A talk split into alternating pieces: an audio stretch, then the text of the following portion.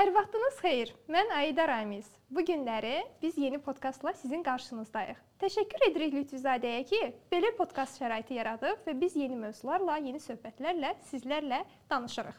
Bu günləri bizim qonağımız Profit Akademiya Təlim Konsultasiya Mərkəzinin həm təsisçisi, eyni zamanda iqtisadiyyatçı ekspert Natiq Hüseynovdur. Biz bu gün Natiq bəylə bugünkü dövrümüzün, müasir dünyamızın ən aktual mövzuları olan süni intellektdən danışacağıq. Hansı ki, süni intellektin biznesin mühitində inkişafından və səmərəliyindən söhbət açacağıq. Salam Natiq bəy. Salam. Necəsiz? Yaxşı olasınız. Özünüzü necə hiss edirsiniz? Bu günləri biz çox maraqlı bir sahədən danışacağıq. Özümü super hiss edirəm. Suallardan asılı olacaq təbii ki bu. Ə, təsəvvürsüzlüklə gözləyirəm suallarınızı. Aha. Süni intellekt bu dəqiqə demək olar ki, kiçikdən böyüyə hər kəsin marağına səbəb olur. Hamı bu mövzudan danışır, hamı öz fikirlərini səsləndirir. Biz giririk sosial şəbəkələrə və yaxud da hansı xəbərləri oxuyuruq, amma bu mövzuda nələrsə bir fikirlər səsləndirir, nələrsə deməyə çalışır. Və biz bilirik ki, süni intellekt bugünkü dünyamızın ən aktual sahələrindən biridir. Hansı ki, elə bir dövr gələcək ki, artıq dünyada bu süni intellektin uğurlu fəaliyyət nəticəsində sayəsində bir çox dövlətlər artıq güc mərkəzinə çevriləcəklər və eyni zamanda süni intellekt vasitəsilə biznesin inkişafında yeni effektiv metodlardan istifadə edərək, eyni zamanda səmərəliyi üçün yeni nələrsə öyrənilməklə artıq süni intellektsiz dünyamızı təsəvvür edə bilməyəcəyik. Bəs insanlara, bizi izləyən dinləyicilərimizə siz bu AI-ı necə sadə dildə izah edərdiniz və yaxud da ki, biznesdə AI-ın xidməti nədir? Süni intellekt ilk öncə qeyd edeyim ki, 4-cü sənə inqilabının baş vermə səbəbidir. Rəqəmsallaşan dünyada bütün texnologiyalar inqilaba gətirib çıxaracaq qədər bir pozucu bir gücə sahib deyildilər. Ta ki süni intellekt ortaya çıxana qədər. Süni intellektin etdiyi şey çox sadədir əslində. İnsanın qabiliyyətlərini təkrarlaya bilməkdən ibarətdir süni intellekt. Bu günə kimi e, insan qabiliyyətlərini, insanların etdikləri funksiyaları başqa bir hansısa fərqli bir metodlarla edə bilməyimiz mümkünsüz idi. Süni intellekt isə öz alqoritmaları sayəsində insanlara xas olan e, bir çox bura üz tanıma funksiyası ola bilər, səs tanıma funksiyası, kritik qərarlar verə bilmə funksiyaları. Bütün bu funksiyaları süni intellekt insanlardan bir növ oğurlaya bilmişdir. Deyə bilərsiniz ki, bunu insan edə bilirsə, bəs bizim üçün bunun faydası nə ola bilər? Süni intellekt sadəcə olaraq insan beyninin müəyyən bir limitli olmasından faydalanaraq, süni intellekt belə deyək, daha bir çox yüzlərlə yanaşmalar bir saniyə içərisində hər hansı bir mövzuda yüzlərlə yanaşmalar ortaya çıxarda bilər. Bunun da səbəbi ondan ibarətdir ki, verilənlər bazasında yüzlərlə, minlərlə, hətta milyonlarla əlaqələndirmələr yaradaraq e, daha fərqli bir baxış bucaqları yarada bilər bizim üçün. E, buna misal olaraq deyə bilərik ki, bizim ümumiyyətlə insanların, bizim e, beynimizin bir təbii ki, limiti olduğuna görə biz bu limit çərçivəsində müəyyən qədər aldığımız məlumatları saxlama müddətimiz çox limitlidir. Sadə dildə o desək, süni intellekt etdiyi şey sadəcə olaraq verilənlər bazasındakı məlumatları milyonlarca dəfə təkrar-təkrar əlaqələndirərək ə, çox fərqli baxış bucaqları yaradaraq bizneslərə də bunun sayəsində ə, avtomatlaşdırılmış ə, bir nəticələr ortaya çıxartmaqda yardımcı olmuş olur. Nətik mən sənin dediklərindən belə başa düşdüm ki, həqiqətən də süni intellektsiz artıq dünyamızı təsəvvür etmək olmur. Artıq bu günümüz üçün, bu dövrümüz üçün çox vacib bir zəruriyyət halını almışdı. Bəs biz bu günləri süni intellektsiz dünyanı təsəvvür etsək, o zaman müəssisələr, şirkətlər nələri itirmiş olacaqlar? Nədən nələri qaçırmış olacaqlar? Nə düşünürsən bu haqqda? Bu haqqda belə bir mövzudan giriş etmək istəyərdim. Süni intellekt birbaşa olaraq iqtisadiyyatımızda daha çox istehlakçılara bir fayda vermiş olur. Bunun səbəbi nədir? Bizneslərdə əsas mövzu bazar tarazlığının necə yaranmasından asılı olaraq istehlakçılar burdan müəyyən qədər daha çox fayda və yaxud da daha az fayda qazanmış olurlar. Eyni zamanda bazarda bir istehlakçılarla bərabər bir də istehsalçı tərəf və yaxud da satıcılar, xidmətləri və məhsulları satan tərəf var. Mən düşünürəm ki, ümumiyyətlə süni intellekt daha çox faydalanan, yəni ki, bu xidmətlərdən faydalanan tərəflər üçün, yəni istehlakçı tərəf üçün daha çox faydalar tətbiq et, daha çox faydalar ortaya qoymuş olur. Bunun səbəbi nədən ibarətdir? Misal ver versək, görərik ki, məsələn, Azərbaycanda son zamanlar taksi sektorunda, taksi xidmətləri, yəni çatdırılma xidmətləri, yəni nəqliyyat xidmətləri ilə bağlı olan biznes sahəsində Bolt, Uber kimi şirkətlərin daxil olması sayəsində deyək ki, yeni rəqabət formalaşmış oldu və bu rəqabət sayəsində bazar tarazlığı elə bir nöqtədə formalaşmış oldu ki, istehlakçılar bundan çox faydalanmış, e, hal-hazırda da yəni bundan çox faydalanırlar. Və bu misaldan da göründüyü kimi, yəni süni intellektin faydaları birbaşa istehlakçılara e, çox geniş imkanlar tədbir, təmin etmiş olur. E, Buna bir çox misallarla da uzada bilərik, amma məncə ən hal-hazırda, yəni günümüz Azərbaycanda gördüyümüz ən yaxşı, ən bariz nümunələrdən biri olduğu üçün taksi sektorunu burada misal gətirə bilərik. Əlavə olaraq demək istəyirəm ki, süni intellektin yəni olmasaydı nələr baş verərdi? Bu haqqda danışmaq istəyərdim. Bu birbaşa olaraq bizneslərin sürətinin azalmasına gətirib çıxardır. Yəni bizneslərdə hal-hazırda biznes proseslərində avtomatlaşdırmalar bilirsiniz ki, mövcuddur.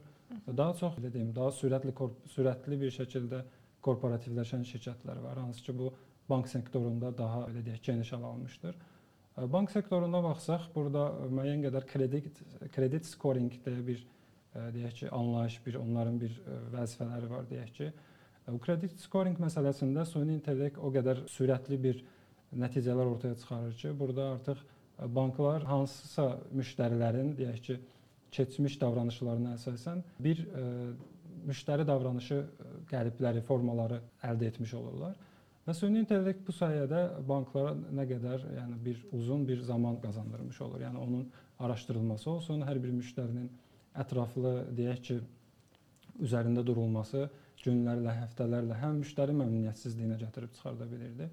Həm də ki, sürətli bir ə, proseslərin baş verməsi təbii ki, başa düşüləndir ki, bizneslərin ən yaxşı, belə deyək, ən çox ən böyük hədəflərindən biri olan mənfəətin maksimallaşdırılmasında birbaşa təsir olmuş olur. Natiq sən cavablarında Azərbaycana toxundun, Azərbaycan bazarına vurğuladın və mən belə bir şey ağlıma gəldi ki, çox uzağa getmək istəmirəm, son 5 ilə getmək istəyirəm ki, 5 il öncə Azərbaycanda süni intellektdən bəhs olunmurdu. Bu mövzuya heç toxunulmurdu, bu mövzudan heç danışılmırdı. Amma bu günləri biz görürük ki, süni intellektin inkişafı, biznesdə tərəqqisi artıq bu mövzunun daha çox aktuallaşmasına gətirib çıxardıbdı. Və mən məndə belə bir sual yaranır. Bəs Azərbaycanda süni intellektin cari vəziyyəti nə yerdədir və hansı təşəbbüslər var süni intellekt üçün? Belə deyə bilərik ki, Azərbaycanda hazırda biznes mühiti o qədər yaxşı bir səviyyədədir ki, bildiyimiz kimi xarici şirkətlər qloballaşma çərçivəsində, yəni Azərbaycan bazarına çox rahatlıqla girə bilirlər və xarici investisiyaların cəlb olunması yanaşmasından da baxsaq mövzuya bizim üçün təbii ki, müsbət bir haldır. Və bu şirkətlərin də çoxuna fikir versək, daha çox texnologiya ilə bağlı olan şirkətlərdir. Əvvəlki sualda da misal verdiyimiz kimi Bolt, Uber kimi şirkətlər və yaxud da ki, Volt kimi çatdırılma şirkətlərə. E, bununla yanaşı digər fərqli Deloitte, McKinsey kimi digər şirkətlər, yəni e, bu audit e, sahəsi ilə bağlı, rəqəmlərlə bağlı olan, belə deyək də, daha çox sahələrdə də yeni şirkətlər Azərbaycana daxil olması birbaşa olaraq Azərbaycanda da yerli şirkətlərin bu rəqabətə davam gətirə bilməsinə məcbur edir bizim şirkətlərimizi, yerli şirkətlərimizi və beləliklə də bir inkişafa yol açmış olur. Yəni dünya səviyyəsində, yəni qlobal olaraq süni intellekt kimi texnologiyaların bütün şirkətlər tərəfindən, qurumlar, maliyyə institutları tərəfindən fərq eləməz mənimsənildikcə get-gedə həmin bu texnologiyaların təsir etdiyi şirkətlər böyüməyə meylli olurlar, yəni qloballaşmağa meylli olurlar, yəni sərhəd tanımırlar. Və bu sərhəd tanımama funksiyası da nəyə gətirib çıxardır? Yəni bizim kimi deyək ki, ölkələrdə bu e, yerli bizim şirkətlərimizin inkişafına bir yol açmış olur. Əlavə olaraq mən deyə bilərəm ki, Azərbaycan Mərkəzi Bankı da hal-hazırda xəbərlərdə, mən 2020-ci ilin xəbərlərində hətta yadıma gəlir, orada paylaşılmışdı bu haqqda ki, Azərbaycan Mərkəzi Bankı da blockchain texnologiyasından istifadə edir. E, yəni blockchain texnologiyası da süni intellektin bizim üçün verdiyi, belə deyim, asanlıq yaradan bir alətlərindən biridir. E, bura nə daxildir? Bura bizim məxfi qalmalı olan məlumatlarımızın e, hansısa bir müqavilələrin ora yerləşdirilməsi nəticəsində daha effektiv və sürətli bir e, iş prosesləri yaratmış olur.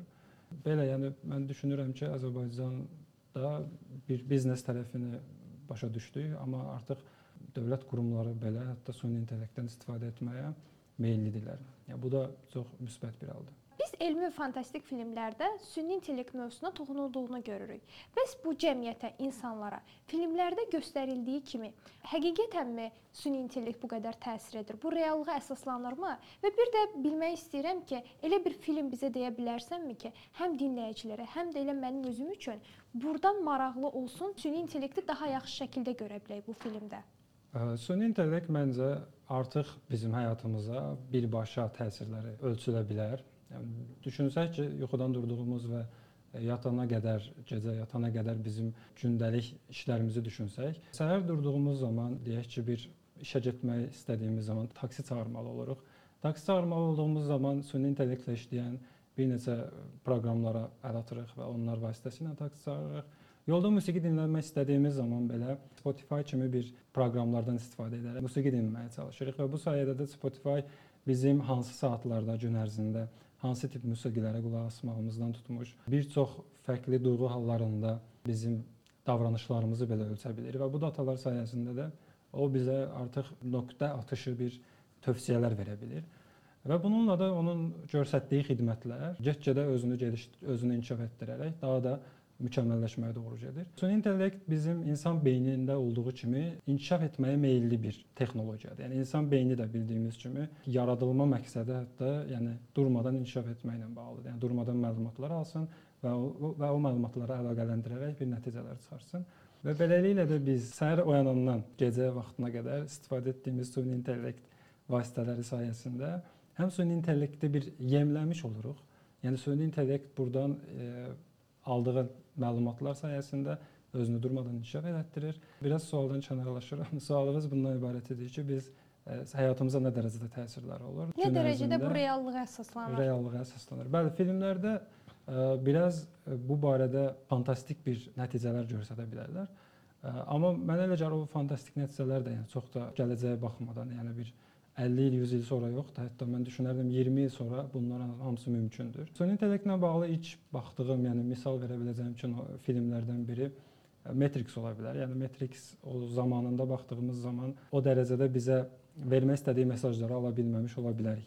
Amma hal-hazırda geri dönüb o filmlərə, yəni 4 səhifələrimizsə 4 e, seriyadan ibarətdir. 4 bölüm. Hətta 5 olmalıdır. Onların hər birinə baxdığımız zaman məncə onun vermək istədikləri mesajları daha yaxşı anlaya bilərik. Çünki artıq dediyim kimi süni intellekt biz istəsək də istəməsək də aldığımız xidmətlərdə, ümumiyyətlə qəbul etdiyimiz bütün məlumatlarda belə bizim həyatımızda bir çox təsirləri var. Hətta gün ərzində oxuduğumuz xəbərlər olsun, istifadə etdiyimiz sosial medialar artıq bilirik ki, bu bizim həyat tərzimizə çevrilib. Sosial mediadan danışmasaq olmaz. Sosial medialarda düş, yəni hər zaman məncə hər bir insan fikir vermiş olmalıdır da. Yəni buna biz e, news feedimizi, yəni e, məlumatlar olan hissəni yenilədiyimiz zaman hər dəfə e, fikir versək alqoritma bizə verdiyi nəticələr adətən bizim axtarışımıza uyğun olur. Hətta bəzən bir çox hallarda dostlarımızdan da eşidirik ki, e, arada yazışdığımız mesajlardan da belə məlumatlar toplayıb bizə onunla bağlı məhsul və xidmətləri tövsiyə edə bilir. Yəni bu qədər bizim həyatımıza girmişkən süni intellekt, mən tövsiyə edərdim ki, filmlərdən çox elə öz həyatımıza baxsaq, daha çox şey görmüş olarıq yəni. Natiq, mən bildiyim qədərilə sən geniş xəyal gücünə maliksən. Bəs sən AI-ya hər hansı bir super qəhrəmanına bənzədərdin? Bənzətsən də niyə ona bənzədirsən? Hansı səbəblərdən dolayı? AI super qəhrəmana bənzətməyə çalışsaq, məncə Iron Man-ə bənzətsək daha uyğun olar. Nəyə görə? Çünki Iron Man-in də filmdə baxdığımız zaman orada təməlində insan gözü dayanır. Yəni insan müəyyən bir geyim geyindikdən sonra super gücə yiyələnmiş olur. Amma bunun da arxasında bir təbii ki, müəyyən bir məntiq, müəyyən bir alqoritmalar, yəni o geyimi də özü şəxsən hazırladığı üçün Tony Starkın Mən düşünürəm ki, Iron Man super qəhrəmanı bura daha uyğundur. Çünki təməlində birbaşa insan var, insan beyni var. Süni intellektin də ilk başda danışdığımız kimi ümumiyyətlə sadə bir dillə, bir cümlə ilə ifadə etdiyimiz zaman bilirik ki, bu insan qabiliyyətlərinin daha sürətləndirilməsi nəticəsində ortaya çıxan bir faydadır, belə deyək. Yəni bunun təməlində insan qabiliyyətlərinin kopyalanması və daha sürətli bir şəkildə servis edilməsi, yəni bundan ibarətdir tamamilə. Super güc olması da hətta biraz sualda məncə bir dəyişikliyə ehtiyac var. Yəni super gücə oxşatmaqdan daha çox, yəni süni intellektin özünə bir super qəhrəman deyə bilərik. Çünki mənə çox faydalar olub. Yəni bəzən çox o, tələsdiyim zamanlarda hansısa bir iclasa bir şey hazırladığım zaman və yaxud da bir təqdimat hazırlamalı olduğum zaman ə, mən bütün işlərimi son ana saxlayan biri olaraq ə, birbaşa super qəhrəman kimi mənim ə, köməyimə çatan bir vasitədir süni intellekt. Bildiyimiz kimi son zamanlar süni intellektin bütün sahələrdə, hətta səs yazmada, dublyaj, fondakı səsi silmədə belə yardımlar olur. Yəni düşünə biləcəyimiz bütün sahələrdə bu vasitənin bizə etdiyi yardımları nəzərə alsaq, Iron Man və yaxud da ki, hər hansı bir super qəhrəmandan çox özü elə bir super qəhrəman kimi formalaşmış olmalıdır bizim üçün. Natiq, mənim heç gözümdən yayınmayıb bu məsələ. Qeyd edəcəm indi dinləyicilərə də. Və özün də cümləndə qeyd etdin ki, sənin çox köməyinə yetir, hansı ki, bu süni intellekt. Mən görürəm ki, sən gündəlik, hansı ki, iş həyatında da eyni zamanda süni intellektdən çox istifadə edirsən. Hətta düşünürəm ki, bu sənin çox yaxın bir dostuna çevrilibdi. Bəs ona hansı tapşırıqlar verirsən? Bunları bizimlə bölüşə bilərsən? Süni intellekt çox geniş bir məlumat bazası. Eyni zamanda məlumat bazası olmaqla kifayətlənməyən, bu məlumat bu bazada olan, öz bazasında olan sonsuz sayda, yəni sonsuz olmasa belə, yəni sonsuz deyə biləcəyimiz qədər çox böyük bir miqdarda orada məlumatlar var deyə deyirəm. E, Bu məlumatları e, sonsuz sayda məlumatları milyardlarca dəfə əlaqələndirib yanaşmalar ortaya qoyduğuna görə, yəni bundan istifadə etməmək mən düşünürəm ki, bizi çox geriyə aparar. E, Nəinki mən bilirəm ki, yəni gənclərin ümumiyyətlə iş həyatında və yaxud da təhsil həyatında insanlar bunun faydalarından çox geniş şəkildə istifadə edirlər. Mən ən çox istifadə etdiyim tərəfi süni intellektin ə, belə deyim, yaradıcı tərəfləridir. E, Çünki bizim hər birimizin limitli sayda bir baxış bucağı var. Təəssüf ki, bunu artırmaq üçün biz çox gəzməliyik, çox ölkələr görməliyik və yaxud da çox yaşamalıyıq ki, biz əldə etdiyimiz təcrübələr nəticəsində ə, deyək ki, fərqli bir yanaşmalar ortaya qoya bilərik, yeni bir yenilikçi bir işlər ortaya çıxarda bilərik. Amma hazırda texnologiyanın bizə vəd etdiyi bu ə, faydalardan istifadə et, yəni etmək sayəsində belə deyim, daha qabaqcadan və yaxud da ki, müəyyən qədər gələcəkdə də əldə edəcəyimiz təcrübələr olmadan belə hal-hazırda ə, bir çox, hətta yəni yüzlərlə fərqli yanaşmalar, yüzlərlə fərqli kreativ, yəni yenilikçi fikirlər ortaya qoya bilirik. Yəni burada da belə deyim, bizim də bir rolumuz olur. Əslində süni intellekt o demək deyil. Sadəcə olaraq soruş və o səni cavablasın. Yəni bu effektiv olmur əslində. Süni intellektdən istifadə etməyin də müəyyən bir qaydaları var.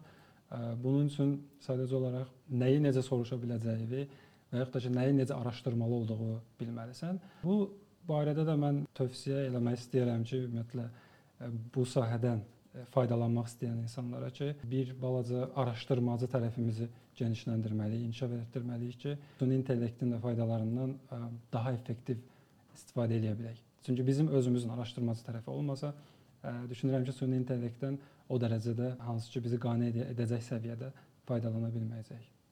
Mən ən sonda belə bir sual vermək istəyirəm ki, sənə. Hansı ki biz bilirik ki, süni intellekt yeni sənət əsərləri yaratmaq, yeni hekayələr yazmaq, eyni zamanda hər hansı bir mahnıları bəstələmək üçün yaradılıb da. Bəs sən süni intellektdən nə yaratmasını istəyərdin? Elə sənin özün üçün. Mən düşünürəm ki, ümumiyyətlə insan, ümumiyyətlə bizim intellektimiz, ağlımızın güclü çalışması, ümumiyyətlə bunu mən yüzlərlə fərqli yanaşmaya sahib olmaqla ölçürəm. E, Bir insanın ə, nə qədər çox yanaşması olsa, nə qədər çox fərqli baxış bucaqları olsa, o qədər çox uğurlu olmağı ola biləcəyini düşünürəm. ə, Nailiyyətli ola biləcəyini düşünürəm. Buna görə də yəni süni intellektdən mənim gözləntim fərqli bir hər hansı bir fərqli həyat situasiyasında mənim yanımda olub mənə birbaşa həllər təqdim etməsidir. Bir bu biraz məncə çox gözlənti olur. Başa düşürəm. Yəni hal-hazırki texnologiya ilə bu biraz hətta mümkünsüz də deyə bilərik. Amma yəni hazırda belə deyim, onsuz da istifadə etdiyimiz alətlər artıq kifayət eləmir. Nəyə görə? Çünki biz yəni insan olduğumuz üçün, yəni insan nankördür. Əldə etdiyimiz şeyləri hansı ki, yəni bir 10 il əvvəl biz düşünə bilməzdik də hansı ki, indiki texnologiyaların bizə vəd etdiyi şeyləri 10 il əvvəl o dərəcədə düşünə bilməzdik ki, bu qədər rahat olaraq, bu qədər bizə ə, deyək ki, texnologiyalar yardımcı ola biləcək. Ə, Hal-hazırda da eyni bir proseslər baş verir. Hal-hazırda da əlimizdə olan bu texnologiyalardan ə, mən deməzdim %100 istifadə edə bilirik. Yəni hətta 140%-ni belə biz faydalana bilmirik, amma bu da bir şeydir. Ən azından müəyyən qədər bizə faydaları toxunur. Amma yenə də dediyim kimi, yəni xəyal dünyamızı çalışdırsaq, yəni düşünün ki, bütün situasiyalarda, bütün çətin vəziyyətlərinizdə, fərq etməz bütün situasiyalarınızda süni intellekt sizin yardımınıza gəlir. Və bir misal kimi də belə bir ə, yekun olaraq bir misal demək istəyirəm. Mənim xəyalımdakı süni intellekt vasitəsi bundan ibarətdir ki, bildiyimiz kimi hətta qədim dövrlərə dayanan bir elm var. İnsan üzünün oxunması, yəni insan üzündəki cizgilərdən yola çıxaraq insanların xarakteristikasını müəyyən etmək belə bir elm var. Keçmiş zamanlardan başlayan bir elmdir. Yəni keçmiş zamanlardan bəri istifadə olunan bir elmdir. Süni intellektin də bilirsiniz, deep learning deyə bir xüsusiyyəti var. Hı -hı. Bu xüsusiyyət sayəsində süni intellekt insan üz quruluşunu və yaxud da ki, şəkilləri müəyyən qədər recognize edə bilir. Yəni şəkilləri fərqləndirə bilir. Tanıya bilir. Bəli, tanıya bilir. Yəni insan üzlərini fərqləndirə bilir. İnsan üzlərindəki cizgilərdən yola çıxaraq müəyyən xarakteristikalar ortaya qoya biləcəyinə inanıram. Yəni hətta bunu eləyir onsuz da.